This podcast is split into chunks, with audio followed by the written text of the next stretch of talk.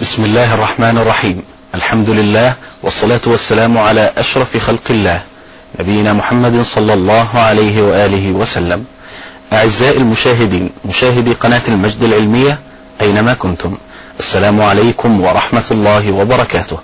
يتجدد لقاؤنا معكم في برنامج الأكاديمية العلمية مع فضيلة الشيخ محمد حسان للتسجيل والمشاركة يرجى من السادة المشاهدين الدخول إلى موقعنا عبر شبكة الإنترنت www.islamacademy.net فضيلة الشيخ أهلا ومرحبا بكم أهلا وسهلا ومرحبا بك أخ عبد الرحمن فلنبدأ على بركة الله بقراءة المثل قال المصنف رحمه الله تعالى اعلم رحمك الله أنه يجب على كل مسلم ومسلمة تعلم هذه المسائل الثلاث والعمل بهن الأولى أن الله خلقنا ورزقنا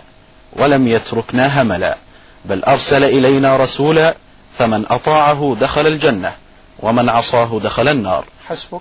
ونكمل إن شاء الله تعالى قراءة كل مسألة بعد انتهائنا من شرح المسألة الأولى إن الحمد لله نحمده ونستعينه ونستغفره ونعوذ بالله تعالى من شرور أنفسنا وسيئات أعمالنا من يهده الله فلا مضل له ومن يضلل فلا هادي له وأشهد أن لا إله إلا الله وحده لا شريك له وأشهد أن سيدنا محمدا عبده ورسوله وصفيه من خلقه وخليله اللهم صل وسلم وزد وبارك عليه وعلى آله وأصحابه وأحبابه وأتباعه وعلى كل من اهتدى بهديه واستنى بسنته وقتفى أثره إلى يوم الدين أما بعد فحياكم الله جميعا أيها الإخوة الفضلاء وطبتم وطاب ممشاكم وتبوأتم جميعا من الجنة منزلا وأسأل الله جل وعلا الذي جمعنا في هذه اللحظات الكريمة الطيبة على طاعته أن يجمعنا في الآخرة مع سيد الدعاة في جنته ودار مقامته إنه ولي ذلك مولاه أيها الأحبة قال المصنف رحمه الله تعالى في موضوع من موضوعاته المهمة التي ضمنها المقدمة قال اعلم رحمك الله أنه يجب على كل مسلم ومسلمة تعلم هذه المسائل الثلاث والعمل بهن الأولى أن الله خلقنا ورزقنا ولم يتركنا هملا بل أرسل إلينا رسولا فمن أطاعه دخل الجنة ومن عصاه دخل النار والدليل قوله تعالى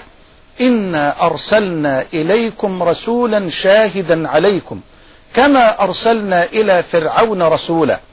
فعصى فرعون الرسول فأخذناه أخذا وبيلا انتهينا بفضل الله جل وعلا في اللقاء الماضي من شرح ثلاثة أصول من بين هذه الأصول الستة التي ضمنها المصنف رحمه الله تعالى هذه المسألة الأولى تكلمنا عن قوله بأن الله عز وجل هو الخالق وتكلمنا عن قوله بأن الله عز وجل هو الرزاق خلقنا ورزقنا وتكلمنا عن قوله ولم يتركنا هملا ثم توقفنا عند قوله بل أرسل إلينا رسولا فمن أطاعه دخل الجنة ومن عصاه دخل النار ثلاثة أصول أخرى في هذه المسألة الأولى هذا الرسول هو محمد صلى الله عليه وسلم فمن آمن بالله جل وعلا ولم يؤمن بمحمد صلى الله عليه وسلم فقد كفر بل من آمن بجميع أنبياء الله ورسله ولم يؤمن بمحمد صلى الله عليه وسلم فقد كفر ولا نقول هذا من كيسنا بل هذا كلام ربنا جل وعلا وكلام نبينا محمد صلى الله عليه وسلم فلتتدبروا أيها الأحبة هذه اللطيفة القرآنية البديعة فلقد بين القرآن الكريم أن من كذب نبيا واحدا من أنبياء الله ورسله فقد كذب جميع إخوانه من الأنبياء والمرسلين نعم من المعلوم أن الله جل وعلا ما أرسل إلى قوم نوح إلا نوحا على نبينا وعليه الصلاة والسلام فلما كذب قوم نوح نوحا عليه الصلاة والسلام قال الله جل وعلا كذبت قوم نوح المرسلين مع أنهم ما كذبوا إلا نوحا على نبينا عليه الصلاة والسلام كذبت قوم نوح المرسلين ومن المعلوم أن الله جل وعلا ما أرسل إلى قوم لوط إلا لوطا عليه الصلاة والسلام ومع ذلك قال الله جل وعلا كذبت قوم لوط المرسلين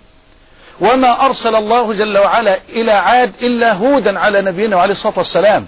فلما كذبوه قال الله جل وعلا كذبت عاد المرسلين وقال جل وعلا كذبت ثمود المرسلين بل لقد بين الله سبحانه وتعالى هذا الحكم في آية حاسمة فاصلة فقال جل جلاله في آية من آيات سورة النساء إن الذين إن الذين يكفرون بالله ورسله ويريدون أن يفرقوا بين الله ورسله ويقولون نؤمن ببعض ونكفر ببعض ويريدون أن يتخذوا بين ذلك سبيلا أولئك هم الكافرون حقا أولئك هم الكافرون حقا فرسول الله صلى الله عليه وسلم هو الإمام الأعظم وهو خاتم النبيين والمرسلين لم يرسله الله جل وعلا للعرب فحسب كلا بل أرسله الله جل وعلا إلى كل الخلق إلى كل البشر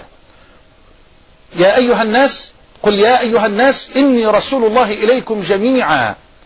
قال جل وعلا وما أرسلناك إلا رحمة للعالمين والآيات كثيرة فالنبي صلى الله عليه وسلم هو الإمام الأعظم الذي أخذ الله جل وعلا الميثاق والعهد على النبيين بلا استثناء إن بعث الله فيهم محمدا صلى الله عليه وسلم أن يؤمنوا به وأن يتبعوه وإذ أخذ الله ميثاق النبيين لما آتيتكم من كتاب وحكمة ثم جاءكم رسول مصدق لما معكم لتؤمنن به لام الإلزام والإيجاب والأمر لتؤمنن به ولتنصرنه قال أأقررتم وأخذتم على ذلكم إصري قالوا أقررنا قال فاشهدوا وأنا معكم من الشاهدين في صحيح مسلم من حديث أبي هريرة رضي الله عنه أن النبي صلى الله عليه وسلم قال والذي نفسي بيده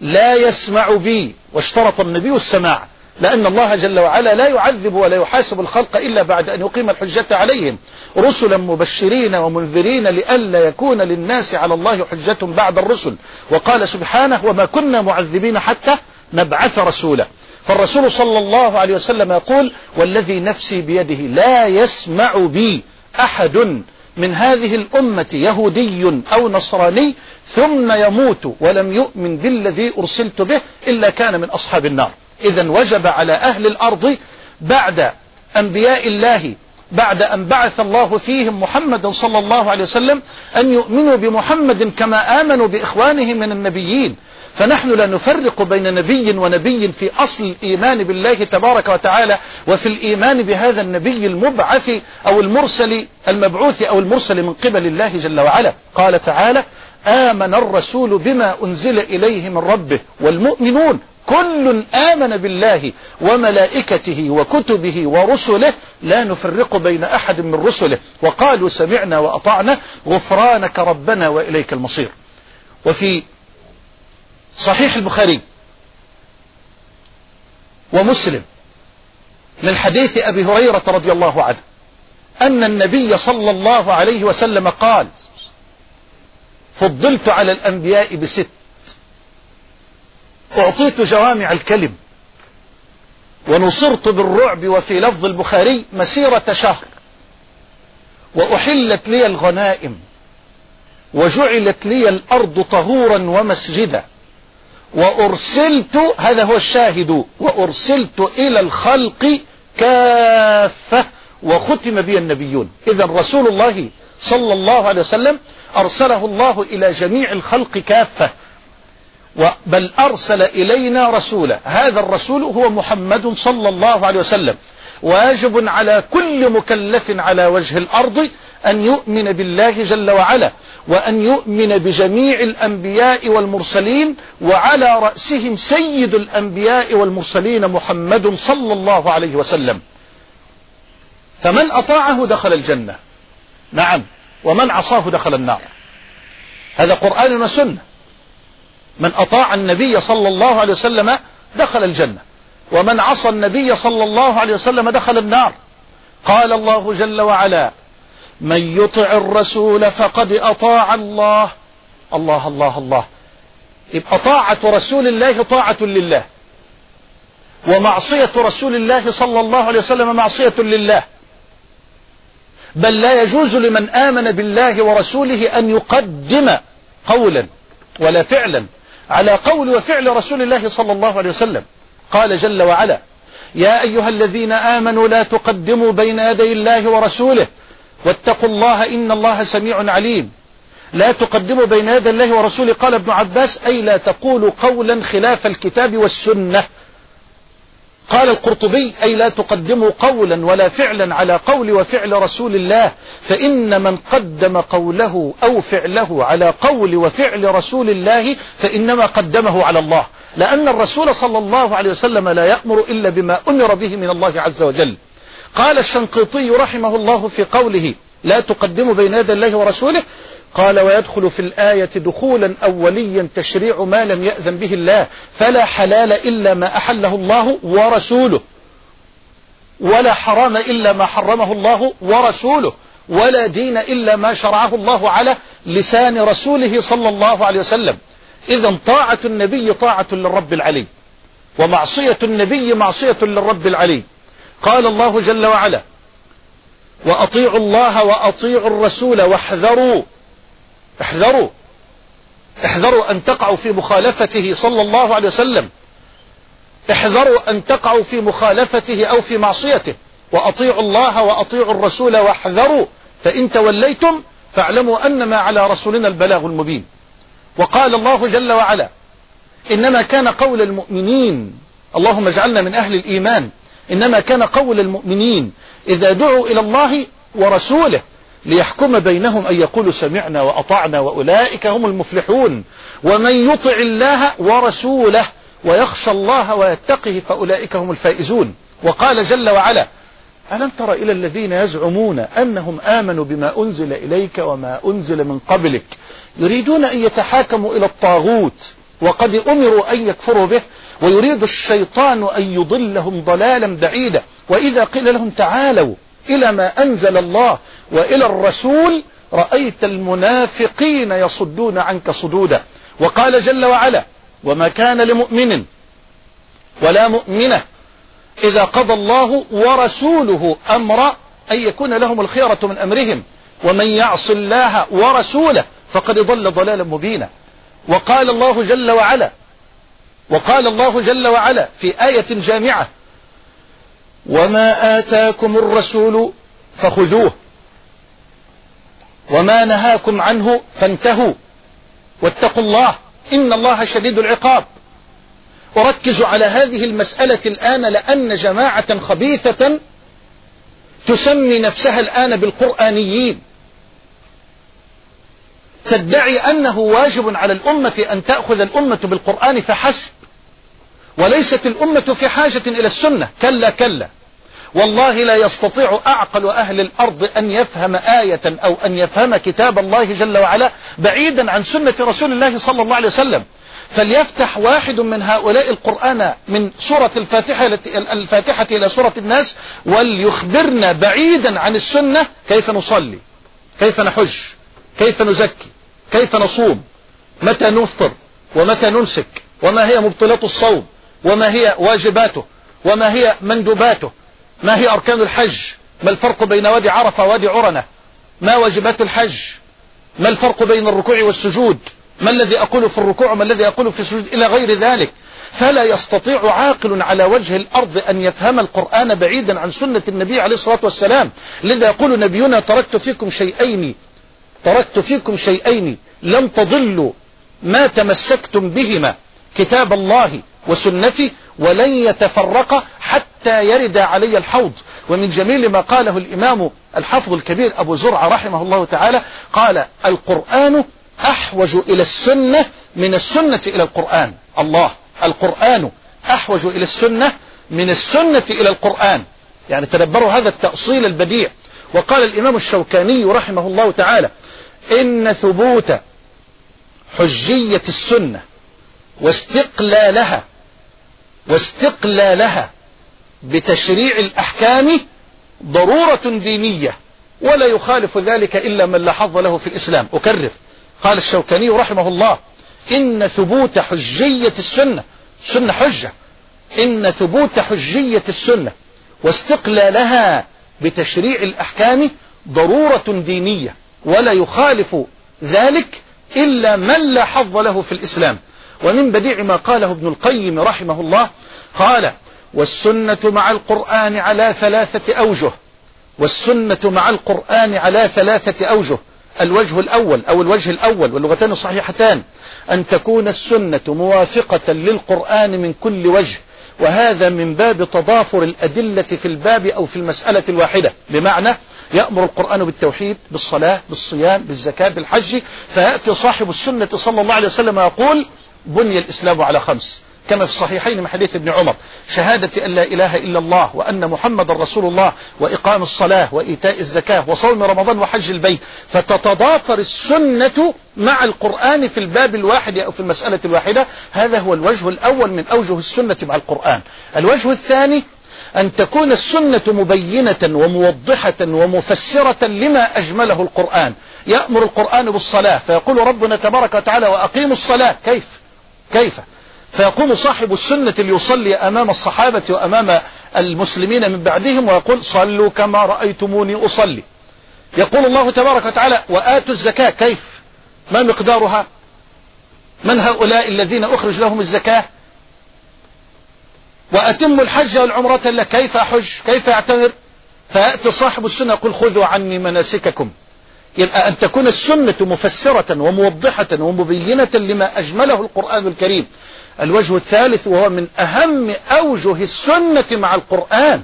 وانتبهوا إلى هذا لا سيما في هذا الزمن الذي انتشرت فيه الفتن وهي فتنة من الفتن التي يغني بطلانها أصلا عن إبطالها ويغني فسادها عن إفسادها ويغني كسادها عن إكسادها وبكل أسف تؤثر الآن مثل هذه الشبهات ومثل هذه الفتن في قلوب قلقة كثيرة الوجه الثالث من أوجه السنة مع القرآن أن تكون السنة موجبة لما سكت القرآن عن إيجابه أو محرمة لما سكت القرآن عن تحريمه أولم يقل ربنا والنجم إذا هوى ما ضل صاحبكم وما غوى وما ينطق عن الهوى إن هو إلا وحي يوحى علمه شديد القوى وفي سنن الترمذي بسند صحيح من حديث المقدام بن معد يكرم أن النبي صلى الله عليه وسلم قال ألا إني أوتيت الكتاب ومثله معه سنة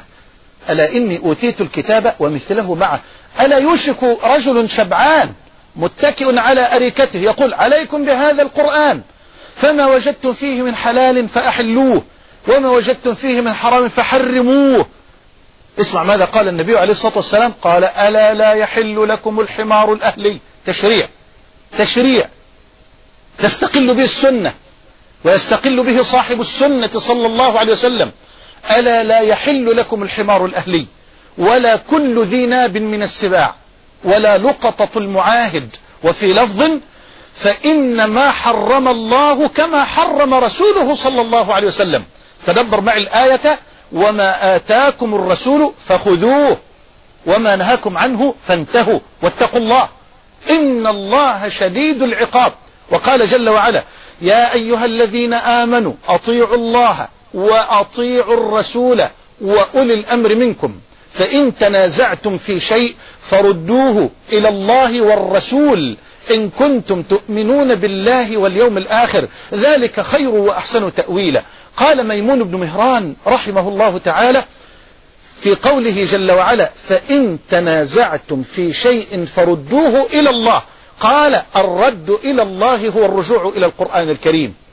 وقال والرد إلى رسول الله صلى الله عليه وسلم هو الرجوع إلى النبي صلى الله عليه وسلم في حياته والرجوع إلى السنة بعد مماته يا أيها الذين آمنوا أطيعوا الله وأطيعوا الرسول وأولي الأمر منكم ولم يقل وأطيعوا أولي الأمر منكم بل جعل طاعة أولي الأمر تابعة لطاعتهم لله ورسوله يا أيها الذين آمنوا أطيعوا الله وأطيعوا الرسول وأولي الأمر منكم فإن تنازعتم في شيء فردوه إلى الله والرسول إن كنتم تؤمنون بالله واليوم الآخر ذلك خير وأحسن تأويلا ما أكثر الآيات وما أجلها وما أعظمها فمن أطاع النبي صلى الله عليه وسلم فقد أطاع الرب العلي جل وعلا ومن عصى النبي صلى الله عليه وسلم فقد عصى الرب العلي جل وعلا لأن طاعة النبي طاعة لله ولأن معصية النبي معصية لله تدبر هذه الأحاديث الرقراقة على وجه السرعة قال صلى الله عليه وسلم كما في صحيح البخاري من حديث أبي هريرة رضي الله عنه كل أمتي يدخلون الجنة إلا من أبى لا إله إلا الله هناك من يأبى نعم نعم هناك من يأبى أن يدخل الجنة كل أمتي يدخلون الجنة إلا من أبى قال ومن يأبى يا رسول الله قال من أطاعني دخل الجنة ومن عصاني فقد أبى إذا الذي يأبى أن يدخل الجنة هو هو من عصى النبي عليه الصلاة والسلام هم العصاة لله ولرسوله هؤلاء أبوا أن يدخلوا الجنة مع أن الله جل وعلا يحثهم ومع أن النبي صلى الله عليه وسلم يدفعهم دفعا إلى دخول الجنة وإلى البعد عن النيران فما من خير إلا وأمرنا به وما من شر إلا وحذرنا منه صلى الله عليه وسلم كل أمتي يدخلون الجنة إلا من أبى قال ومن يأبى يا رسول الله قال من أطاعني دخل الجنة ومن عصاني فقد أبى ومن أرق الأحاديث التي قرأتها في هذا الباب ما رواه الإمام البخاري من حديث جابر بن عبد الله رضي الله عنهما قال جاءت ملائكة إلى النبي صلى الله عليه وسلم وهو نائم فقال بعضهم إنه نائم وقال بعضهم إن العين نائمة والقلب يقظان فمن خصوصيات النبي صلى الله عليه وسلم أنه كان لا ينام قلبه وإن نامت عينه عليه الصلاة والسلام إنه نائم قال بعضهم إن العين نائمة والقلب يقظان قال بعضهم إن لصاحبكم هذا مثلا فاضربوا له مثلا فقال بعضهم إنه نائم وقال بعضهم إن العين نائمة والقلب يقظان قالوا مثله كمثل رجل بنى دارا وجعل فيها مأدبة وأرسل داعية أو وبعث داعية فمن أجاب الداعية دخل الدار وأكل من المأدبة ومن لم يجب الداعية لم يدخل الدار ولم يأكل من المأدبة قالوا أولوها له يفقهها أولوها له يفقهها قال بعضهم إنه نائم وقال بعضهم إن العين نائمة والقلب يقظان قالوا الدار الجنة الدار الجنة ومن أطاع محمدا فقد أطاع الله ومن عصى محمدا فقد عصى الله ومحمد فرق بين الناس فهذه الدار وما أعد الله عز وجل فيها من نعيم لا, يكو لا تكون ولا يكون نعيمها إلا لمن أطاع محمدا صلى الله عليه وسلم ولن يدخل الدار ولن يأكل من المأدبة أي لن يستمتع بنعيمها من عصى محمدا صلى الله عليه وسلم فمحمد فرق بين الناس إذا تدبروا معي هذه المسألة البديعة العظيمة على قلة كلماتها قال الأولى أن الله خلقنا ورزقنا ولم يتركنا هملا بل أرسل إلينا رسولا فمن أطاعه دخل الجنة ومن عصاه دخل النار نكتفي بهذا في هذه المسألة ولنقرأ المسألة الثانية قال المصنف رحمه الله تعالى الثانية أن الله لا يرضى أن يشرك معه أحد في عبادته لا ملك مقرب ولا نبي مرسل والدليل قوله تعالى وأن المساجد لله فلا تدعوا مع الله أحدا نعم قال المسألة الثانية أن الله لا يرضى أن يشرك معه أحد في عبادته لا ملك مقرب ولا نبي مرسل والدليل قوله تعالى وأن المساجد لله فلا تدعوا مع الله أحدا آه هذه أكبر مصيبة ترتكب على وجه الأرض في كل زمان ومكان إنها مصيبة وكبيرة الشرك بالله فالشرك أظلم الظلم وأقبح الجهل كما أن التوحيد أعدل العدل ولذا يا إخوة الله تبارك وتعالى يغفر أي ذنب ويغفر أي كبيرة مهما كانت إلا الشرك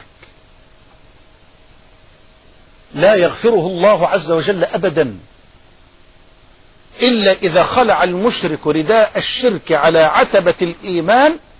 ووحد الله تبارك وتعالى وآمن به وآمن برسله وملائكته وكتبه واليوم الآخر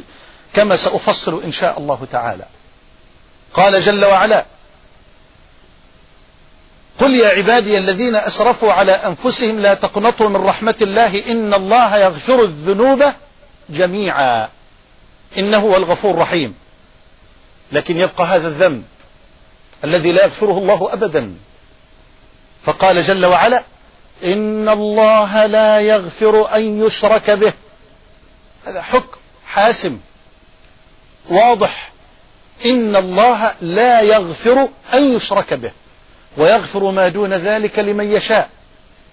وقال جل وعلا إنه من يشرك بالله فقد حرم الله عليه الجنة ومأواه النار نسأل الله السلامة والعافية بل ستعجبون إذا علمتم أن الله تبارك وتعالى قد خاطب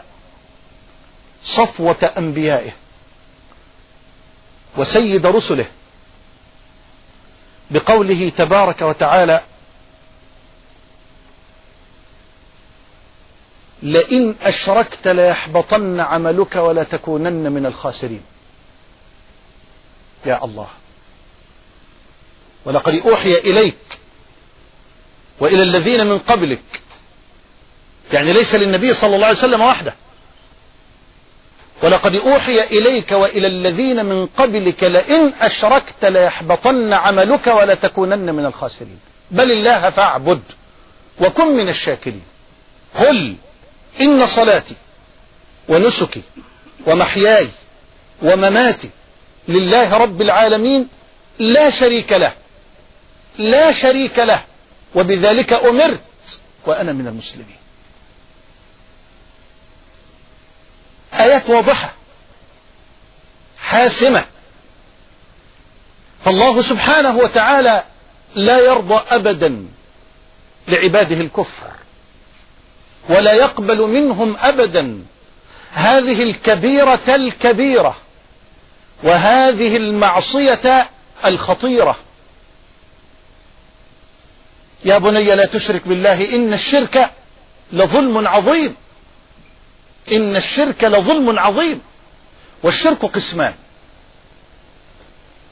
الشرك قسمان شرك أكبر وشرك أصغر الشرك الأكبر كما ذكرت الآن لا يغفره الله تبارك وتعالى أبدا وهو اتخاذ الند مع الله جل وعلا وهو اتخاذ الند مع الله جل وعلا أو من دونه سبحانه وتعالى قال جل جلاله ومن الناس من يتخذ من دون الله أندادا يحبونهم كحب الله والذين آمنوا أشد حبا لله اللهم اجعلنا من هؤلاء الذين امتلأت قلوبهم بحبك والذين آمنوا أشد حبا لله فإذا اتخاذ الند مع الله أو من دون الله أن يتخذ العبد ندا مع الله أو من دون الله يحب هذا الند كمحبة الله أو يخاف هذا الند كخوفه من الله تبارك وتعالى وهذا هو الشرك الأكبر الذي لا يغفره الله تبارك وتعالى أبدا ففي الصحيحين من حديث عبادة بن الصامت رضي الله عنه أن النبي صلى الله عليه وسلم قال من شهد أن لا إله إلا الله وحده لا شريك له وأن محمد رسول الله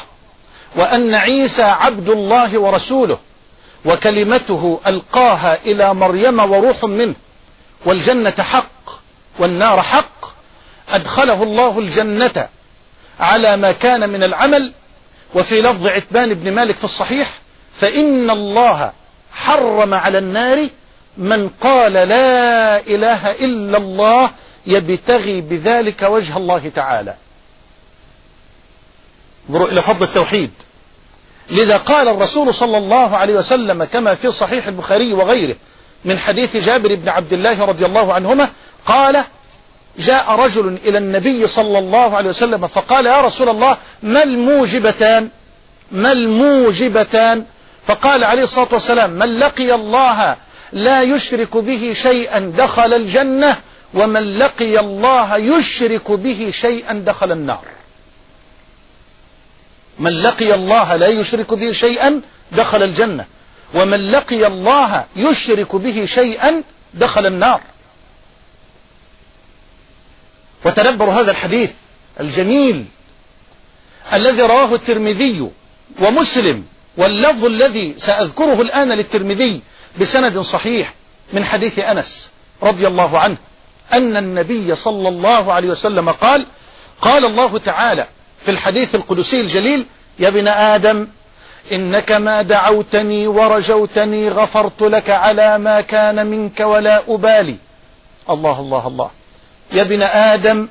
إنك ما دعوتني ورجوتني غفرت لك على ما كان منك ولا أبالي يا ابن آدم لو أتيتني بقراب الأرض خطايا لو بلغت ذنوبك عنان السماء ثم استغفرتني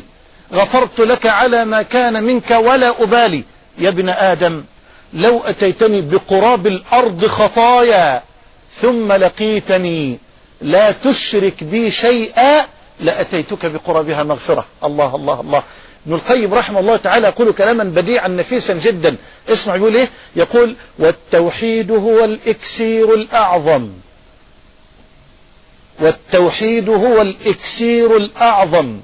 الذي لو وضعت منه ذرة على جبال من الذنوب والخطايا لبددتها وأزالتها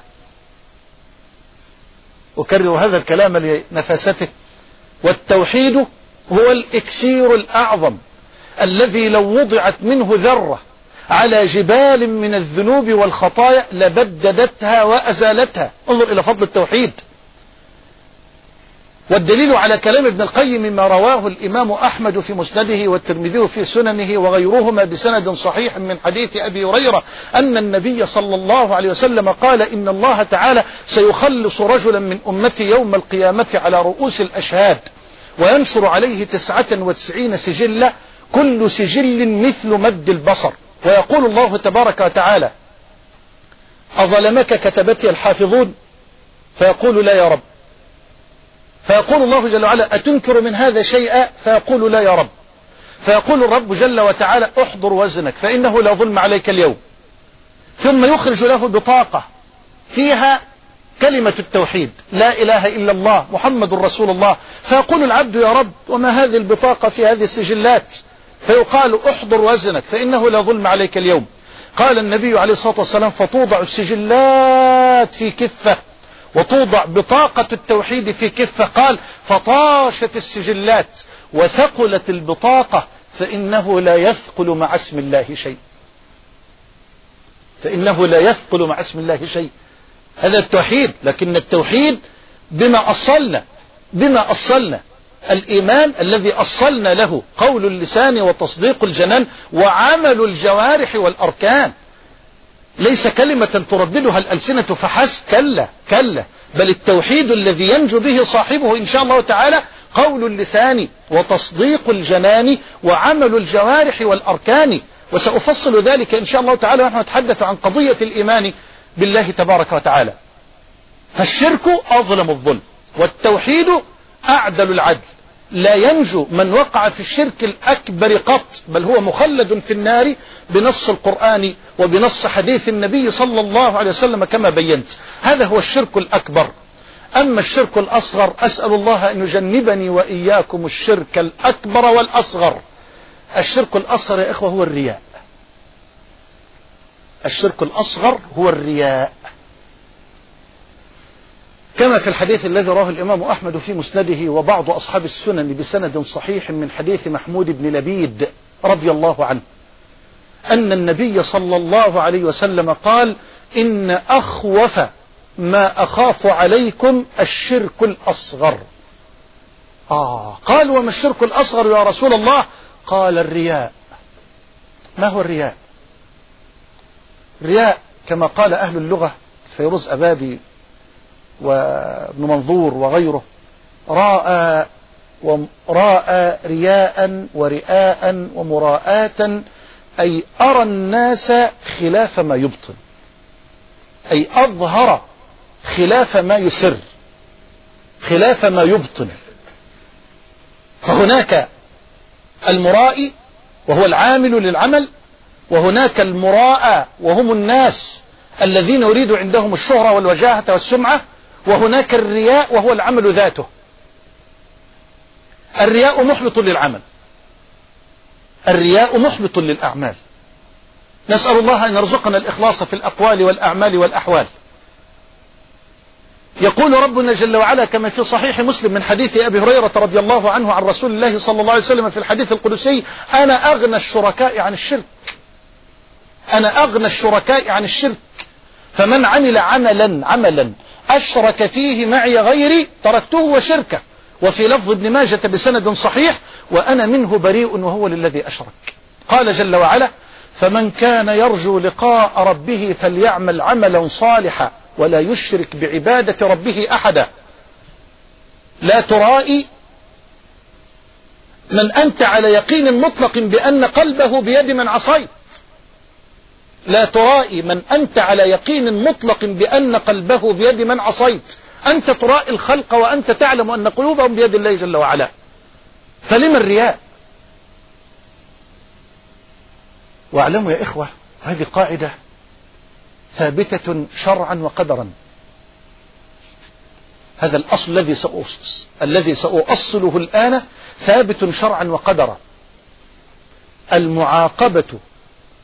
بنقيض القصد أمر ثابت شرعا وقدرا اللهم استرنا ولا تفضحنا المعاقبة بنقيض القصد أمر ثابت شرعا وقدر يعني عبد يقصد بقوله أو بفعله الرياء الشهرة السمعة يعاقبه الله تبارك وتعالى إن لم يتب إليه بنقيض القصد فيظهر الله عز وجل سريرته بين الناس ويجعل الله سره علانية أو لم تسمع رسول الله صلى الله عليه وسلم كما في صحيح البخاري وغيره يقول من سمع سمع الله به ومن يرائي يرائي الله به يعني يجعل الله عز وجل سره علانية ويظهر الله تبارك وتعالى نيته الفاسدة الخبيثة للناس إن لم يتب إلى الله تبارك وتعالى وارجع إليه جل وعلا إذا المعاقبة بنقيض القصد أمر ثابت شرعا وقدرا إن لم يتب صاحب هذا العمل الملوث وصاحب هذه النية الخبيثة إلى الحق سبحانه وتعالى إذا الرياء محبط للأعمال إن أخوف ما أخاف عليكم الشرك الأصغر قالوا وما الشرك الأصغر يا رسول الله قال الرياء هنا مسألة يعني يطرح سؤالها كثير من طلاب العلم في كل المناسبات ألا وهي قد أعمل العمل وأنا والله لا أريد به إلا وجه الله تبارك وتعالى لكني أخاف حينما أسمع الثناء الحسن من الناس فأشعر بشيء من السعادة وأشعر بشيء من الفرح فأخشى أن أكون قد وقعت في الرياء لا أبشر ليس هذا من الرياء ففي صحيح مسلم من حديث أبي ذر رضي الله عنه أن النبي صلى الله عليه وسلم سئل يا رسول الله إن الرجل لا يعمل العمل من أعمال الخير يريد به وجه الله تعالى فيلقي فيلقي الله عز وجل له الثناء الحسن على ألسنة الناس فيثني الناس عليه خيرا فقال النبي صلى الله عليه وسلم تلك عاجل بشرى المؤمن اللهم اجعلنا منهم يا رب العالمين تلك عاجل بشرى المؤمن فإن تكلمت خطبت أو ألقيت محاضرة أو فعلت لله تبارك وتعالى وعملت أي عمل من أعمال البر وأنت تريد وجه الله سبحانه وتعالى فإذ بالناس يثنون عليك ويفرحون بك حتى لو وجدت الفرح في قلبك فهذا أمر طبيعي أن تفرح للطاعة قل بفضل الله وبرحمته فبذلك فليفرحوا هو خير مما يجمعون فإن وجدت هذا السرور وهذا الفرح ما دمت قد ابتغيت بعملك وجه الحق تبارك وتعالى فأبشر فهذه بشرى لك من الله عز وجل وأسأل الله الذي بشرك بهذا في الدنيا أن يبشرك برضوانه في الآخرة إنه على كل شيء قدير ونحن مع أهل هذا الدعاء الكريم الجليل إذا لو عملت عملا تبتغي به وجه الله وألقى الله لك لك الثناء الحسن على ألسنة الناس وأودع قلوب المؤمنين ودا لك فهذه بشرى خير قال الله تبارك وتعالى إن الذين آمنوا وعملوا الصالحات سيجعل لهم الرحمن ودا قال ابن عباس أي محبة في قلوب الخلق ولا شك أن المراد بالخلق هنا آه، يقصد الخلق من أهل التوحيد والإيمان وإلا فإن الكافر والمنافق لا يحب المؤمن على الإطلاق لا يحب المؤمن على الإطلاق إن الذين أجرموا كانوا من الذين آمنوا يضحكون الآيات وقال جل وعلا وكذلك جعلنا لكل نبي عدوا من المجرمين إذا أيها الأحبة الرياء محبط للأعمال فالشرك نوعان شرك أكبر وشرك أصغر أيها المسلم أنا أخاطب إخواني الآن على آه، شاشة هذه الفضائية الكريمة أخاطب المسلمين والمسلمات في كل أنحاء الأرض وأقول أخي المسلم احذر الشرك احذر الشرك وحقق التوحيد وراجع العلماء الربانيين فوالله لا نجاة لك ولا سعادة في الدنيا والآخرة إلا بتحقيق التوحيد والبعد عن الشرك كبيره وصغيره فلنعلن الآن فلنعلن الآن بألسنتنا وقلوبنا وأعمالنا اللهم إنا نبرأ من الثقة إلا بك ونبرأ من الأمل إلا فيك ونبرأ من التسليم إلا لك ونبرأ من التفويض إلا إليك ونبرأ من التوكل إلا عليك ونبرأ من الصبر إلا على بابك ونبرأ من الذل إلا في طاعتك ونبرأ من الرهبة إلا لجلالك العظيم ونبرأ من الرجاء إلا لما في يدك الكريمة اللهم تتابع برك واتصل خيرك وكمل عطاؤك وعمت فواضلك وتمت نوافلك فلنتجرد للحق سبحانه وتعالى فليكن ذبحك لله فليكن نذرك لله فليكن حلفك بالله فليكن عطاؤك لله فليكن منعك لله فليكن طوافك ببيت الله وحده في مكة تشرفها الله يا ابن عباس يا غلام إني أعلمك كلمات احفظ الله يحفظك احفظ الله تجده تجاهك إذا سألت فاسأل الله أخي لا تسأل نبيا ولا تسأل وليا بل سل الرب العلي وحده أمن يجيب المضطر إذا دعاه ويكشف السوء ويجعلكم خلفاء الأرض أإله مع الله أإله مع الله يجيب المضطرين ويكشف هم المهمومين ويسمع دعاء المستغيثين لا ورب الكعبة لا يسمع هذه الاستغاثة وهذا النداء والدعاء إلا من يعلم السر وأخفى إلا من يسمع دبيب النملة السوداء تحت الصخرة الصماء في الليلة الظلماء إذا سألت فاسأل الله وإذا استعنت فاستعن بالله واعلم أن الأمة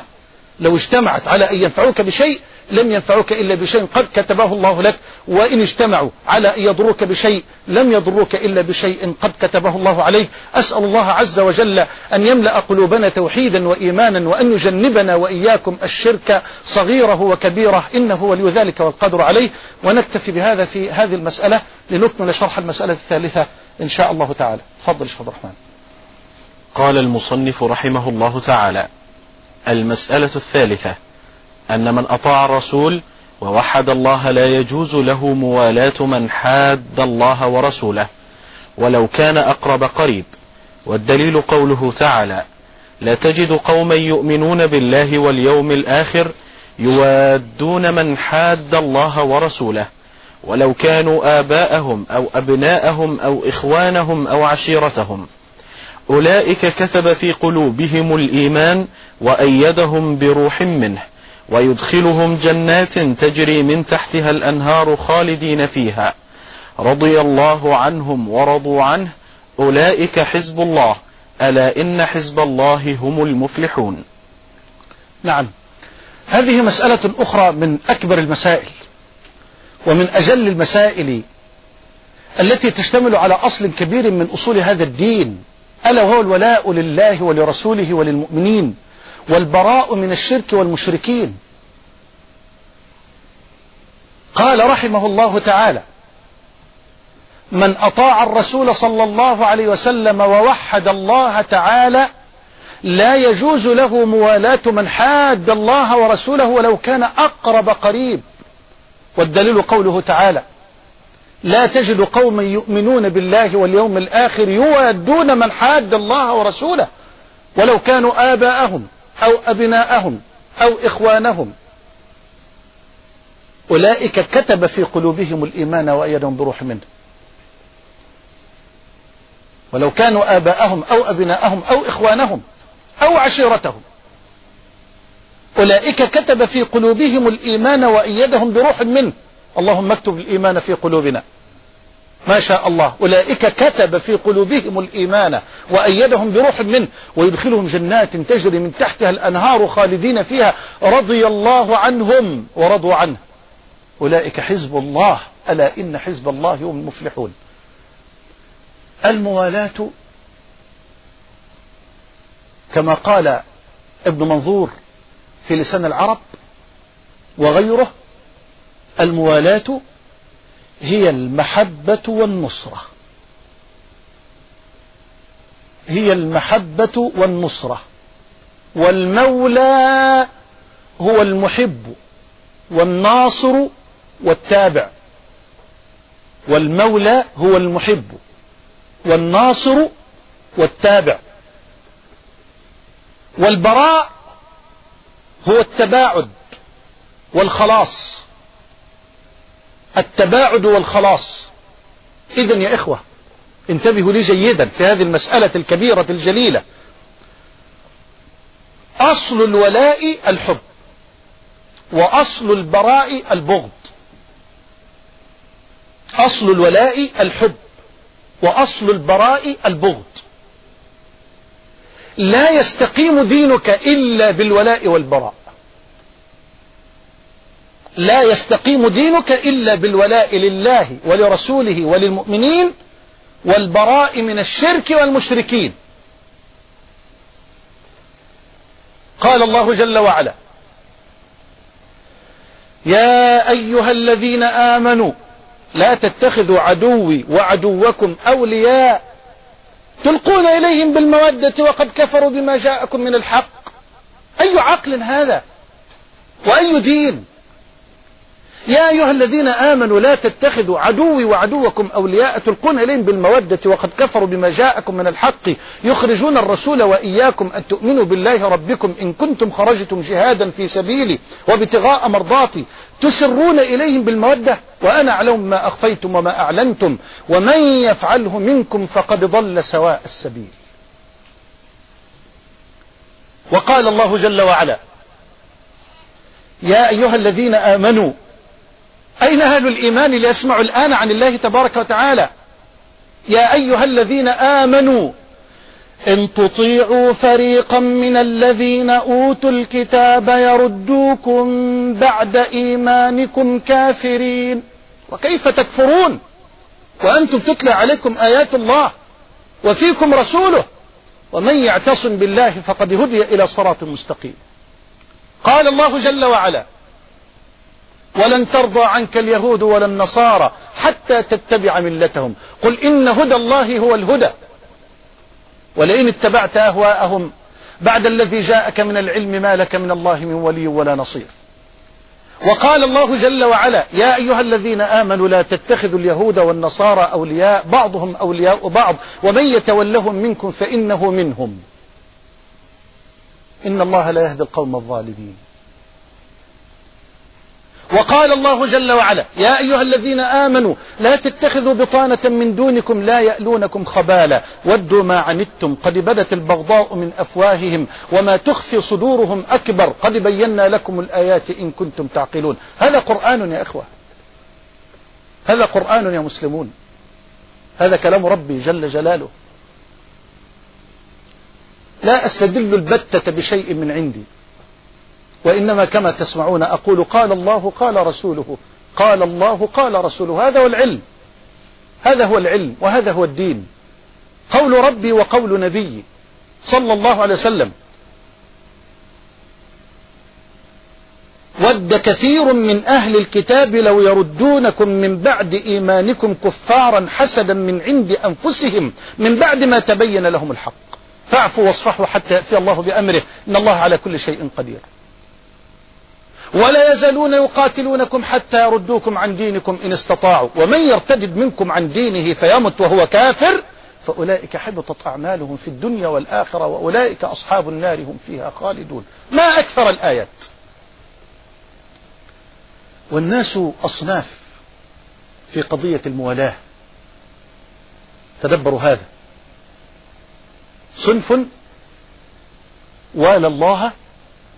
ورسوله والمؤمنين أسأل الله أن نكون منهم وعاد الشرك والمشركين وصنف من الناس وافق الكفار موافقة تامة في الظاهر والباطن وهذا هو الذي فيه الوعيد في قوله تعالى ومن يتولهم منكم فإنه منهم وافقهم في الظاهر والباطن وصنف وافقهم في الباطن وخالفهم في الظاهر وافقهم في الباطن وخالفهم في الظاهر وهذا هو نفاق الاعتقاد يسر الكفر ويظهر الإسلام وإظهاره للإسلام يعصم دمه وماله وصنف وافقهم في الظاهر وخالفهم في الباطن وهذا لا يكون إلا في حال واحد ألا هو حالة الإكراه كما في قوله تبارك وتعالى إلا من أكره وقلبه مطمئن بالإيمان إذا المؤمن يا إخوة الذي كمل إيمانه يوالي الله ورسوله والمؤمنين ويعادي الشرك والمشركين قال لله در القائل أتحب أعداء الحبيب وتدعي حبا له ما ذاك في الإمكان وكذا تعادي جاهدا أحبابه أين المحبة يا أخ الشيطان شرط المحبة أن توافق من تحب على محبته بلا نقصان فإن ادعيت له المحبة مع خلافك ما يحب فأنت ذو بطلان لو صدقت الله فيما زعمته لعاديت من بالله ويحك يكفروا وواليت أهل الحق سرا وجهرة ولما تعاديهم وللكفر تنصروا فما كل من قد قال ما قلت مسلم ولكن بأشراط هنالك تذكر مباينة الكفار في كل موطن بذا جاءنا النص الصحيح المقرر وتصدع بالتوحيد بين ظهورهم وتدعوهم سرا لذاك وتجهر هذا هو الدين الحنيفي والهدى وملة إبراهيم لو كنت تشعر إذا من وحد الله سبحانه وأطاع الرسول صلى الله عليه وسلم لا يجوز له البتة أن يوالي من حاد الله ورسوله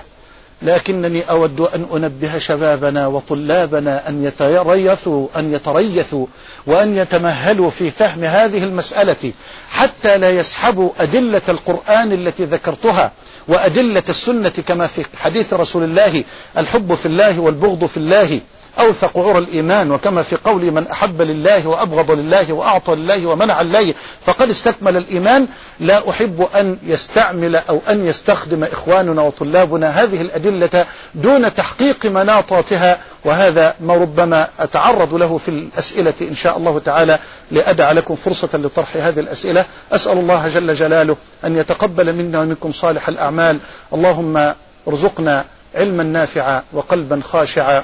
وعملا صالحا متقبلا أنت ولي ذلك والقادر عليه وصلى الله على نبينا محمد وعلى آله وصحبه وسلم نعم بارك الله فيكم فضل الشيخ وجعل الله في ميزان حسناتكم نستأذنكم في اتصالين هاتفيين الأول من الأخت أم عبد الله من السعودية السلام عليكم ورحمة الله أخت أم عبد الله يبدو أن الاتصال انقطع اتصال آخر من الأخ محمد سعد من مصر السلام عليكم ورحمة الله وعليكم السلام ورحمة الله وبركاته تفضل يا أخي اتفضل جزاكم الله خيرا وإياكم يا أخي الله تعالى يبارك فيكم ويزيدكم النعيم يا رب اللهم آمين ممكن أكلم فضيلة الشيخ طيب بس ممكن آه، تعلي صوتك أيوه ممكن أكلم فضيلة الشيخ بعد اتفضل اتفضل السلام عليكم ورحمة الله وعليكم السلام ورحمة الله كيف حالك يا محمد أهلا وسهلا نسأل الله سبحانه وتعالى أن يبارك في علمكم وينفع بكم للسلام والمسلمين آمين آمين الله يجزاك خير كنت أريد أن أؤكد على يعني حضرتك بس تؤكد على موضوعين اثنين الموضوع الأول آه، باب طاعة الله سبحانه وتعالى وطاعة رسول الله صلى الله عليه وسلم في موضوع آه، حرمة الدماء التفريق بين هذا الموضوع وموضوع حرمة الدماء لكي لا يساءل فهمه في هذا الأمر نعم الأمر الثاني هو موضوع آه، كيف ما هو الضابط في الولاء والبراء لغير المسلمين في أي بلد ونحن معهم على أمن وأمان وجزاكم الله خيرا السلام عليكم جزاك الله خيرا وإياكم الضابط آه، شيخنا في الولاء والبراء لا هذا سؤال في غاية الأهمية وهذا ما كنت يعني أود أن أبينه في آخر اللقاء كنت أود أن أذكر لأحبابنا وطلابنا بعض الأصول وبعض الاستثناءات العملية التي لا تنقض أصل الولاء لله ولرسوله وللمؤمنين ولا تتناقض مع أصل البراء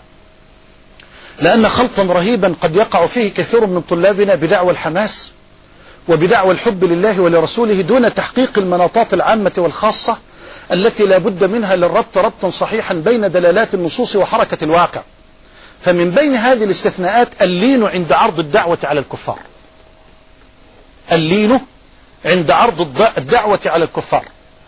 الإسلام أوجب على هذه الأمة أن تبلغ الدين إلى أهل الأرض ومن المعلوم أنك لا تستطيع أن تبلغ الحق إلى أي نفس بشرية إلا إذا استملت هذه النفس وسبرت أغوارها وتغلغلت إلى أعماقها بالحكمة والرحمة والكلمة الرقيقة الرقراقة والموعظة الحسنة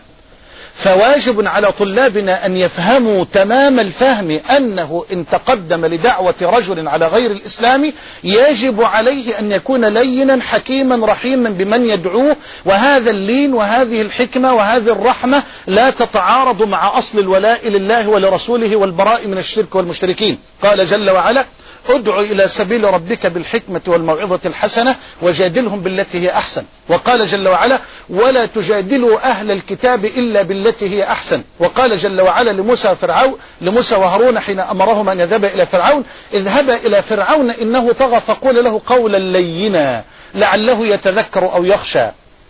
الآيات هذا أصل في غاية الأهمية لأن كثيرا من شبابنا يخلط بين مقام الجهاد ومقام الدعوة فتراه غليظا عنيفا في كل المواطن هذا لا يجوز هذا لا يجوز وليس من الدين في شيء بل مقام الجهاد رجولة وغلظة قال الله جل وعلا يا أيها النبي جاهد الكفار والمنافقين واغلظ عليهم أما مقام الدعوة اللين والحكمة والرحمة والأدب والتواضع كما بينت الآن في قوله تعالى اذهب إلى فرعون إنه طغى فقل له قولا لينا وكما في قوله جل وعلا فبما رحمة من الله لنت لهم ولو كنت فظا غليظ القلب لانفضوا من حولك ثانيا أكل ذبائح أهل الكتاب هذا لا ينقض أصل الولاء ولا أصل البراء قال الله تبارك وتعالى وطعام الذين أوتوا الكتاب حل لكم وطعامكم حل لهم ثالثا الزواج من الكتابيات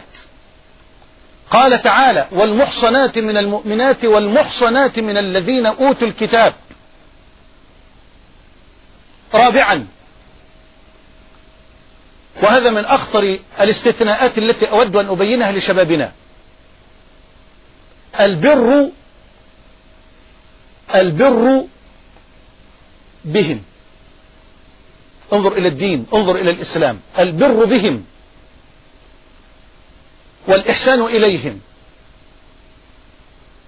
ويدخل في ذلك الإهداء لهم وقبول الهدايا منهم بضابط مهم جدا ألا وهو أن تظهر لهم سماحة وعظمة هذا الدين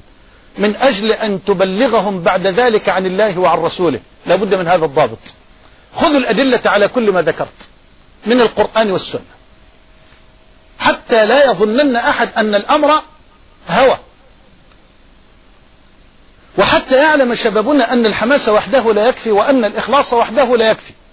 بل يجب أن يكون الحماس والإخلاص منضبطين بضوابط الشرع حتى لا نضر من حيث نريد النفع وحتى لا نفسد من حيث نريد الإصلاح قال الله جل وعلا لا ينهاكم الله عن الذين لم يقاتلوكم في الدين ولم يخرجوكم من دياركم أن تبروهم وتقسطوا إليهم إن الله يحب المقسطين وترجم الإمام البخاري الإمام البخاري في صحيحه بابا بعنوان باب قبول هدية المشركين باب قبول هدية المشركين سبحان الله ألم تعلموا أن الرسول صلى الله عليه وسلم قد قبل الشاة من يهودية قبلها هدية مع أنها كانت مسمومة وقد عرضت على النبي صلى الله عليه وسلم جبة من الحرير فلما تعجب الناس آه، أهديت له فلما تعجب الناس منها قال لما نادل سعد بن معاذ في الجنة أحسن من هذا وفي صحيح البخاري أيضا أن النبي عليه الصلاة والسلام أهديت له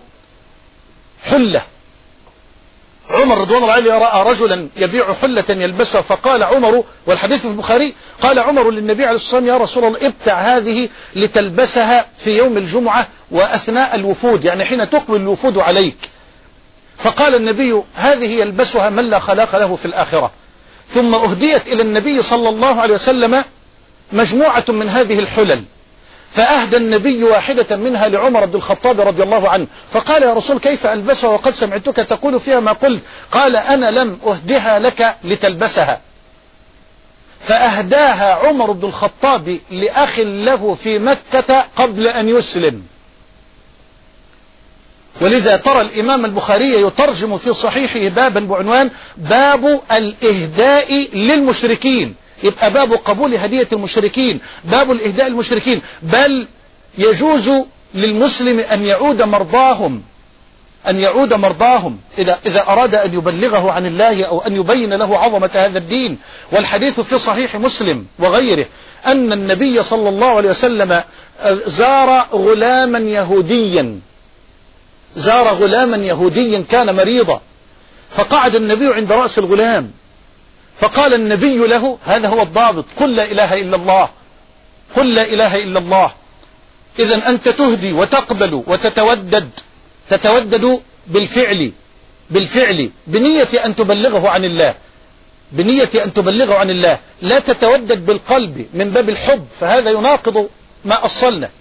لكن أنت تتقرب بفعل كهذا بإعطاء هدية أو بقبول هدية أو بزيارة مريض من باب أن تبلغهم عن الله وعن رسول الله صلى الله عليه وسلم بعزة واستعلاء للمؤمنين لا بذلة ومهانة وخضوع واستكانة فقال له النبي قل لا إله إلا الله فنظر الغلام إلى أبيه فقال والد الغلام أطع أبا القاسم الله الله فقال الغلام أشهد أن لا إله إلا الله وأشهد أن محمد رسول الله فخرج النبي صلى الله عليه وسلم من عنده فرحا وهو يقول الحمد لله الذي أنقذه من النار وفي لفظ الذي أنقذه بي من النار هذه استثناءات يا إخوة لابد أن يعيها شبابنا أما الأمر الأخطر وهو ما طرحه الأخ الكريم في أول الأسئلة وقد سألني أخونا عبد الرحمن جزاه الله خيرا قبل أن ندخل إلى غرفة الاستوديو في هذه المسألة أيضا عما حدث في مصرنا في اليومين الماضيين من سفك للدماء لبعض السياح أو لبعض المصريين بعض الشباب يتصور أن هذا من الجهاد وهذا خلل هذا خلل لا دليل عليه البتة لا من قرآن ولا من سنة فالدماء يا إخوة حرمتها عظيمة الدماء حرمتها عظيمة عند الله تبارك وتعالى الله جل وعلا هو واهب الحياة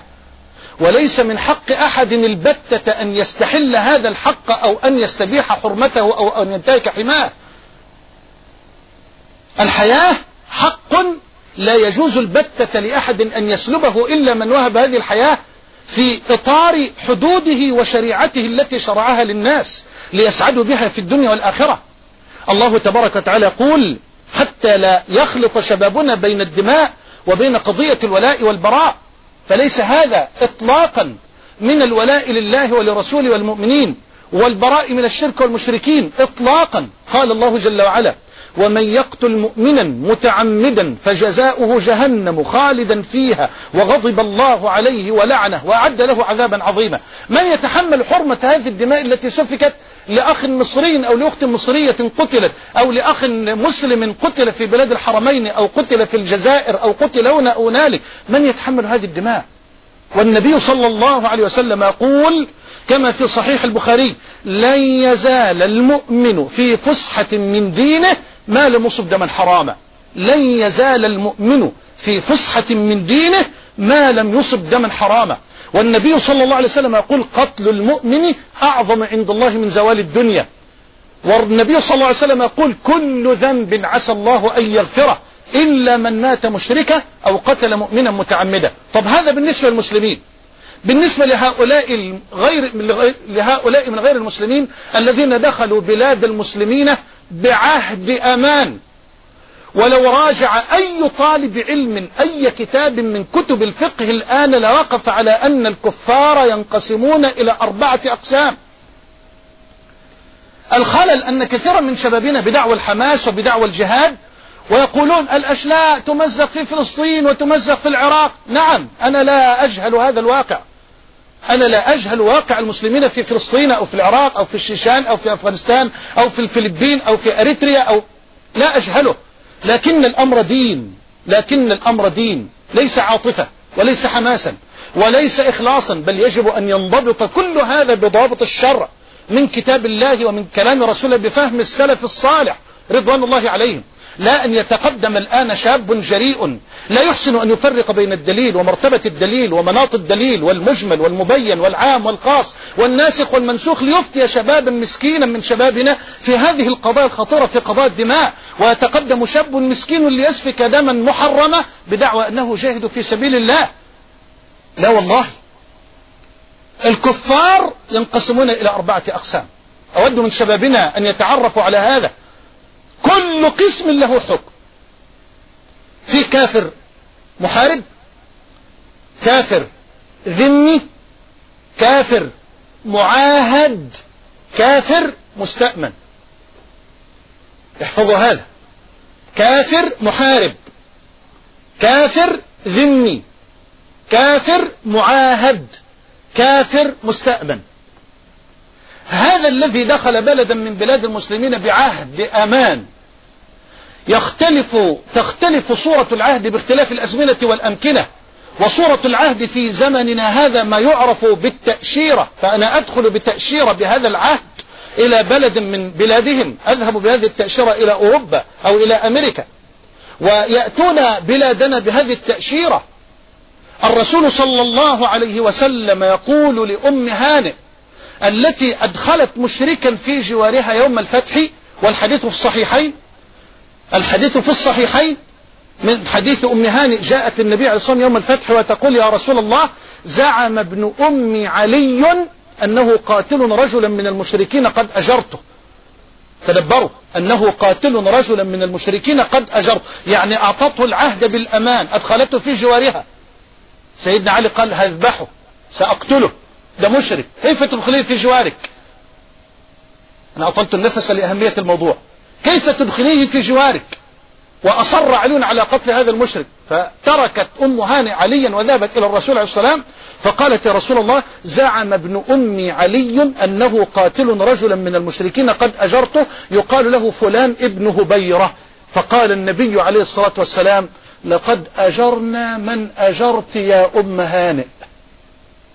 تدبروا يا شباب لقد أجرنا من أجرت يا أم هانئ بل والله العظيم لو أعطت امرأة فقيرة من المسلمات عهدا بالأمان لمشرك على وجه الأرض لا يحل لمسلم آخر أو للمسلمين كلهم أن ينقضوا عهد هذه المرأة الفقيرة ما الدليل روى البخاري ومسلم من حديث أبي هريرة رضي الله عنه وفيه أن النبي صلى الله عليه وسلم قال المسلمون تتكافأ دماؤهم ويسعى بذمتهم أدناهم فمن أخفر مسلما أي من نقض عهد مسلم فمن أخفر مسلما فعليه لعنة الله والملائكة والناس أجمعين لا يقبل الله منه صرفا ولا عدلا يوم القيامة صرفا ولا عدلا أي فرضا ولا نفلة قضية أخوانا قضية دين مش قضية حماس فوار ولا قضية إخلاص بجهل لصالح مين تسفك هذه الدماء والله العظيم ليست من القرآن ولا من السنة في شيء وورب الكعبة لا نجامل بهذا التأصيل مخلوقا لن نترشح لمجلس الشعب ولا لمجلس الشورى إنما الأمر لابد أن يعي شبابنا أن الأمر دين لا ينبغي لك أن تتكلم كلمة أو أن تخطو على الطريق خطوة إلا بعد أن تراجع العلماء الربانيين الربانيين لا تراجع رجلا ينسب نفسه إلى العلم ويقحم نفسه إلى العلم إقحاما تسبب قبل أن يتحصرم وبالغ قبل أن يبلغ وادعى العلم قبل أن يتعلم وربما قد جعل لنفسه موقعا على الإنترنت ثم هو يحمس شبابنا بصورة لا تنضبط أبدا بضابط من كتاب الله ولا بضابط من كلام رسول الله وينطلق شباب المسكين لينطح هذه الجدران الصلدة برؤوس تتحطم وتتهشم دون أن نغير من الواقع شيئا قال ابن القيم لا يجوز للعالم أو المفتي أن يفتي في مسألة إلا بعلمين الأول فهم الواقع فهم الواقع نفضل نقول 100 مرة للصبح فهم الواقع وبعدين فهم الواجب في الواقع أي فهم الأدلة الشرعية التي التي تنطبق مع هذا الواقع لأن لابد من تحقيق المناطات العامة والخاصة لهذه الأدلة وإلا قد تستدل بدليل عام لمناط خاص فتضل وتضل أو قد تستدل بدليل خاص لمناط عام فتضل وتضل وأختم بهذا الحديث الجميل الذي رواه البخاري في التاريخ الكبير ورواه النسائي في السنن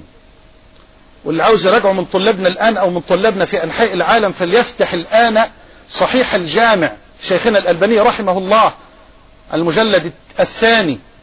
في حرف الميم واقرأ كلمة افتح على كلمة من من من من نون افتح الآن الحديث أقول رواه البخاري في التاريخ الكبير والنسائي في السنن من حديث عمرو بن الحمق الخزعي رضي الله عنه صححه الشيخ الألباني رحمه الله مجلد الثاني من صحيح الجامع أنه صلى الله عليه وسلم قال من أمن رجلا على دمه فقتله من أمن رجلا على دمه أعطاه العهد بالأمان ثم الخلو فقتل من أمن رجلا على دمه فقتله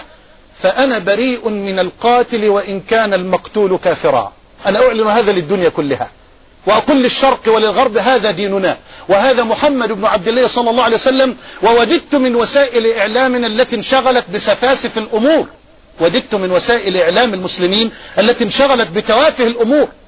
وجدت من الفضائيات التي أعلنت العداء والحرب الآن على الثوابت والأصول والكليات أن تتولى ترجمة هذا الحديث لتسمعه للدنيا كلها لتبين لأهل الأرض أن هذا هو الإسلام وأن هذا هو محمد عليه الصلاة والسلام فليترجم الحديث بلغات العرب بالإنجليزية والفرنسية والألمانية وغيرها من أمن رجلا على دمه فقتله فأنا بريء من القاتل وإن كان المقتول كافرا فالكافر الحرب يا إخوة له, له حكم والكافر المعاهد له حكم والكافر الذم له حكم والكافر المستأمن له حكم لا تخلطوا الأوراق بدعوى الدين ولا تخلطوا الأوراق بدعوى الحماس والجهاد فليس هذا من الدين في شيء والله ورسوله منه براء وأسأل الله سبحانه وتعالى أن يعلمنا وأن يفهمنا قضية مش قضية دليل انا قلت قبل ذلك في آه، حلقة العلم حلقة العلم ان الدليل يا اخواننا ليس منتهى العلم الدليل ليس منتهى العلم بل لابد من فهم الدليل ومراتب الدليل ومناطات الدليل لذا نرى البخاري رحمه الله تعالى يترجم في كتابه في صحيحه في كتاب العلم بابا بعنوان باب الفهم في العلم باب الفهم في العلم هذا ما أدين الله عز وجل به في هذه المسألة وأسأل الله سبحانه وتعالى أن يحقن دماء المسلمين في كل مكان إنه ولي ذلك والقدر عليه نعم جزاك الله خير فضل الشيخ انبسطت الكلام في هذه المسألة آه، معنا سؤال من الأخ مراد من المغرب يقول هل من طاعة الرسول التبرك بقبره صلى الله عليه وسلم قال الله جل وعلا قل إن كنتم تحبون الله فاتبعوني يحببكم الله ومن محبة سيدنا رسول الله صلى الله عليه وسلم أن نمنح ما لله تبارك وتعالى لله من خصائص الألوهية وأن نمنح لرسول الله صلى الله عليه وسلم ما لرسول الله من خصائص النبوة والرسالة فنحن ندين الله تبارك وتعالى مع ابن القيم أن الكعبة أشرف مكان على وجه الأرض أن الكعبة أشرف بقاع الأرض ندين الله أن الحجرة النبوية الشريفة بجسد رسول الله أفضل من الكعبة الكعبة لو قرنت بالحجرة باستثناء الجسد الشريف فهي أشرف لكن ابن القيم رحمه الله تعالى وغيره قالوا بأن الحجرة بالجسد الشريف أشرف وأطهر بجسد النبي عليه الصلاة والسلام ومع ذلك مع أننا نعتقد ذلك إلا أنه لا يجوز لنا لا يجوز لنا أن نتمسح بقبره الشريف صلى الله عليه وسلم أو أن نرفع الصوت في حضرته عند القبر الشريف أو أن نتجه إليه صلى الله عليه وسلم بالطلب أو الرجاء أو الدعاء وإنما كما علم نبينا ابن عباس وعلم الأمة إذا سألت فاسأل الله وإذا استعنت فاستعن بالله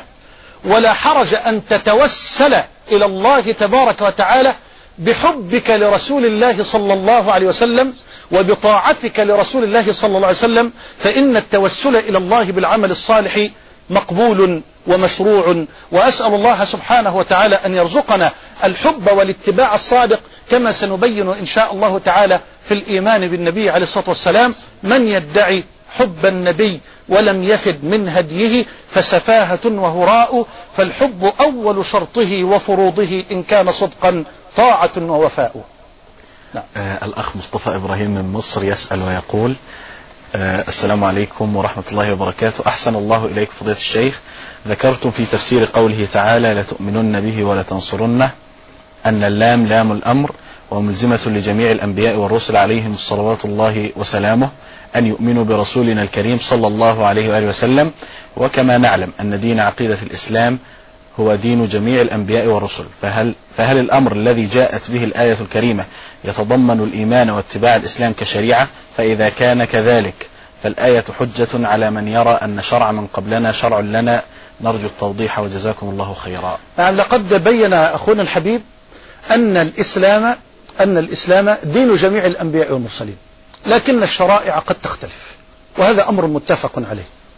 الشرائع قد تختلف من نبي إلى نبي ومن رسول إلى رسول فقد يأتي نبي في شريعته بما لم يأتي به من سبقه من الأنبياء والمرسلين أما أصل الدين الاعتقاد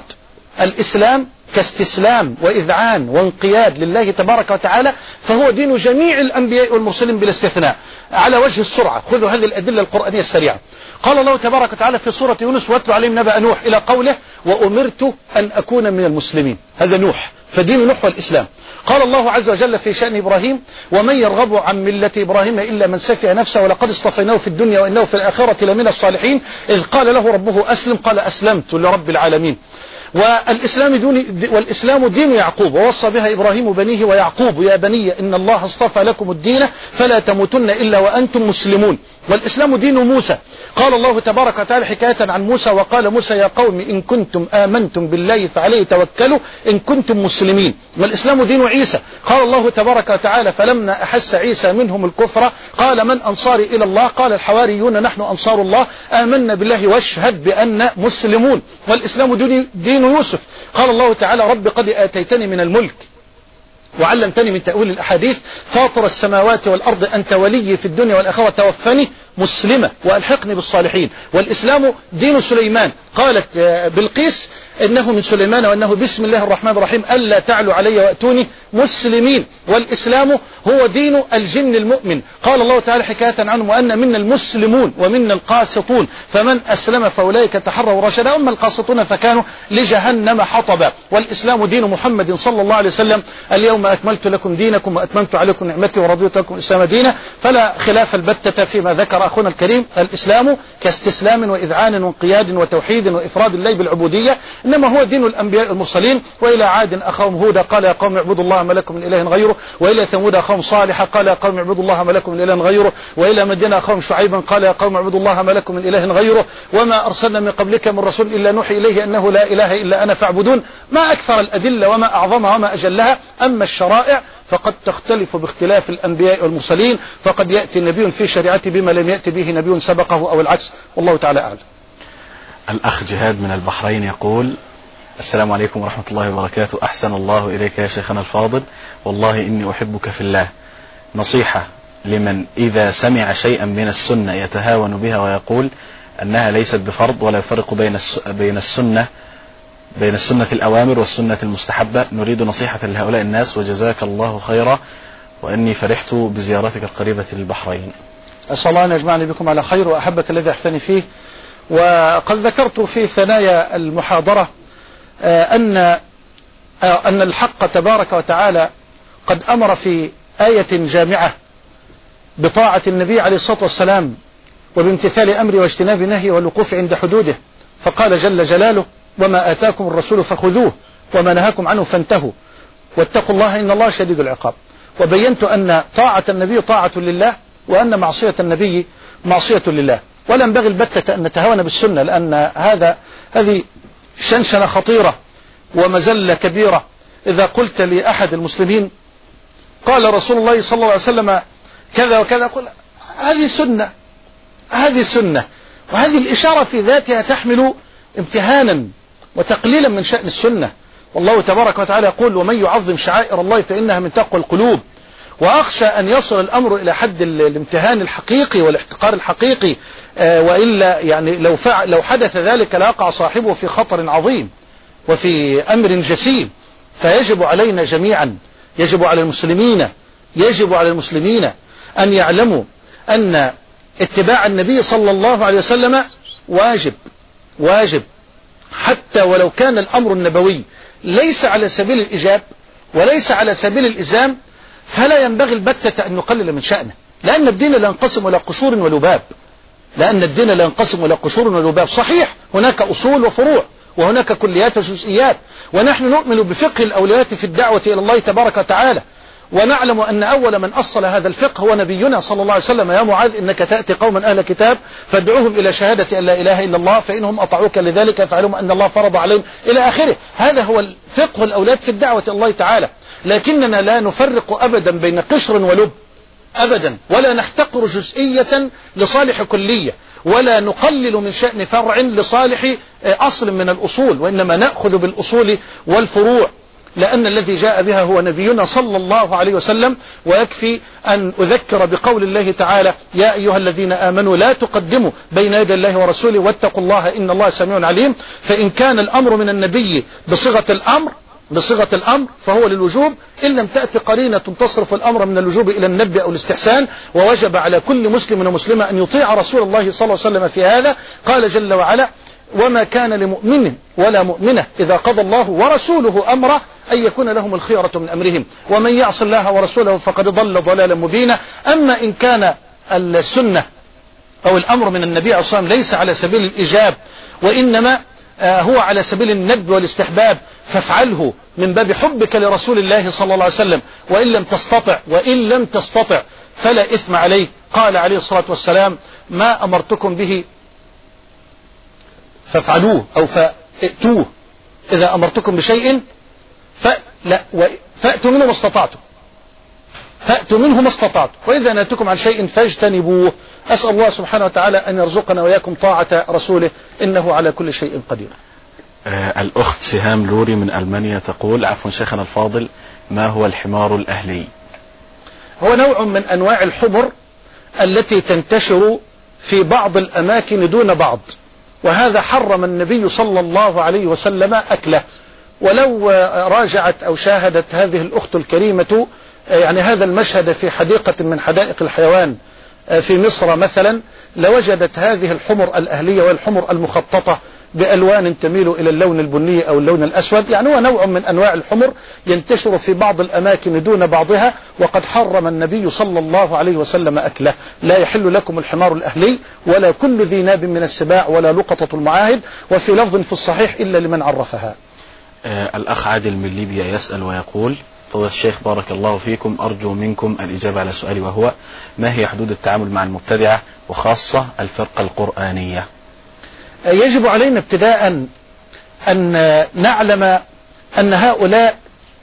واجب علينا أن نبلغهم الحق عن الله ورسوله وأن ندعوهم للحق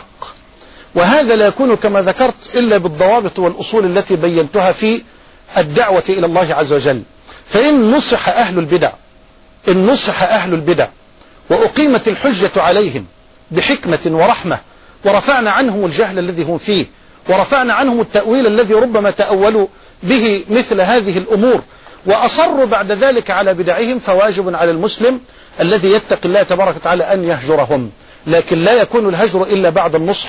وإلا بعد التذكير وإلا بعد إقامة الحجة الرسالات الخاصة فربما التي من تركها إذا أقيمت عليه قد يكون فاسقا تارة وقد يكون مبتدعا تارة وقد يكون ضالا تارة ثالثة كما قال شيخ الإسلام ابن تيمية رحمه الله تعالى وفرق يا شباب بين إقامة الحجة وفهم الحجة لأن كثيرا من شبابنا قد يذهب ليطبل ويزمر ويقول قد أقمت حجة على فلان مع أن فلانا هذا لم يعي الحجة ولم يفهم الحجة فلا بد من أن نقيم الحجة وأن يفهم من نقيم الحجة عليه أن يفهمها وأن نوضح له الأمر ليست العبرة أنني أود أن أقول بأن فلانا عاند وإنما الهدف أن أبلغه الحق وأن آخذ بقلبه إلى الحق إلى كتاب الله وإلى سنة رسول الله فالنصح بحكمة ورحمة ولين فإن أصر أهل البدع بعد ذلك على بدعين فواجب عليك الهجر والهجر نوعان هجر محمود وهجر مذموم الهجر المحمود هو الهجر لله تبارك وتعالى كما أمر النبي الصحابة والمجتمع المدني كله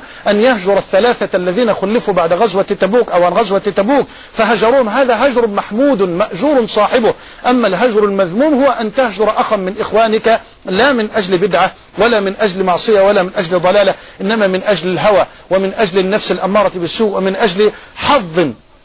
في نفسك ولو دقق كثير من إخواننا الذين هجروا كثيرا من إخوانهم لوجدوا أنهم ما هجروهم إلا من أجل هذا يا داود إنا جعلناك خليفة في الأرض فاحكم بين الناس بالحق ولا تتبع الهوى فيضلك عن سبيل الله إن الذين يضلون عن سبيل الله لهم عذاب شديد بما نسوا يوم الحساب فنحن نبغض البدعة ونبغض المعاصي لكننا ننصح أهل البدع وننصح أهل المعاصي ونقيم عليهم الحجة بالحكمة والرحمة فإن أصروا على معاصيهم وإن أصروا على بدعهم بهم فنحن نجرهم لله تبارك وتعالى وأسأل الله أن يختم لنا ولكم جميعا بالتوحيد والسنة إنه ولي ذلك مولاه آه، لدي استفسار فضل الشيخ آه، سؤال الأخت سهام عن الحمار الأهلي لا. نعم. هل هو الحمار الذي يعيش بين الناس أم هو الحمار المخطط الذي يكون في حديقة الحيوان هو كذلك حتى الحمار الذي يعيش بين الناس لا يجوز أكله نعم. لا يجوز أكله على الراجح المسألة فيها خلاف معلوم في كتب الفقه لكن الذي فيه النص هو الحمار الأهلي الذي ذكرته آنفا نعم آه، الأخت مريم حسن من عمان تقول أحسن الله إليكم شيخنا هناك الكثير من المسلمين يستهزئون بسنة المصطفى صلى الله عليه وسلم وخاصة اللحية فبما تنصحونهم وكيف نتصرف معهم الاستهزاء بالله أو برسوله صلى الله عليه وسلم أو بشيء ثابت معلوم من الدين بالضرورة قد يوقع صاحبه والعياذ بالله في الكفر إن تبينت له أقيمت عليه الحجة وبين له الأمر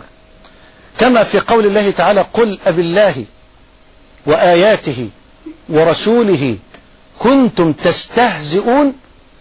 لا تعتذروا قد كفرتم بعد إيمانكم فالاستهزاء أمر خطير استهزاء بالله الاستهزاء بالقرآن الاستهزاء بالسنة الاستهزاء بالدين أمر خطير لكنني أود أن أنبه الشباب لا تتعجل في إصدار حكم بالتكفير فقد يهزأ إنسان من إنسان ملتحي أود أن نفرق بين استهزائه من سنة النبي عليه الصلاة والسلام ومن وبين استهزائه بالشخص ذاته لتقصيره في حق سنة النبي عليه الصلاة والسلام فقد يقال فلان هذا ملتحي ولكنه يفعل كذا فلا ينبغي أن يقال بأن هذا استهزاء بالسنة وإنما ينبغي أن نفهم أن هذا آه، يقلل أن هذا الذي يعني يتكلم إنما هو يريد أن يبين أن الذي من الله عليه بهذا الوسام بوسام السنة والشرف وجب عليه أن يكون جديرا وخليقا بهذه السنة بهذا الوسام لأن كثيرا من شبابنا قد يتسرع ويصدر الحكم دون تفريق بين الحكم على الشخص صاحب السنة وبين الاستهزاء بسنة النبي صلى الله عليه وسلم ذاتها أما إن كان الاستهزاء وأنا أتكلم الآن على الإطلاق الاستهزاء بالله الاستهزاء بالقرآن الاستهزاء بالنبي عليه الصلاة والسلام الاستهزاء بأمر معلوم من دين الله بالضرورة يوقع صاحبه في الكفر بنص القرآن كما ذكرت لكن شتان شتان بين هذا وبين الحكم على التعيين هذا ما أود أن أركز عليه إن أردت أن تصدر حكما على معين من الناس فلا بد أن تحقق شروطا وأن تنفي موانع قبل أن تسقط الحكم لا بد أن ترفع الجهل ولا بد أن ترفع الإكراه ولا بد أن ترفع التأويل بعد ذلك تستطيع أن تسقط هذا الحكم على معين من الناس وأسأل الله أن يرزقناكم العلم والفهم اللهم آمين فتح الله عليكم فضيلة الشيخ وجعله في ميزان حسناتكم بالنسبة للإخوة والأخوات الذين آه، استفسروا عن الالتحاق بالأكاديمية مع أن هذه أول محاضرة يرونها فأحيلهم على موقعنا على شبكة الإنترنت أعزائي المشاهدين سريعا ما تنتهي اللحظات الجميلة تلك اللحظات التي تشرق فيها شمس المعرفة لتشعر عقولنا بدفء العلم نلقاكم على خير بإذن الله تعالى أستودعكم الله الذي لا تضيع ودائعه السلام عليكم ورحمة الله وبركاته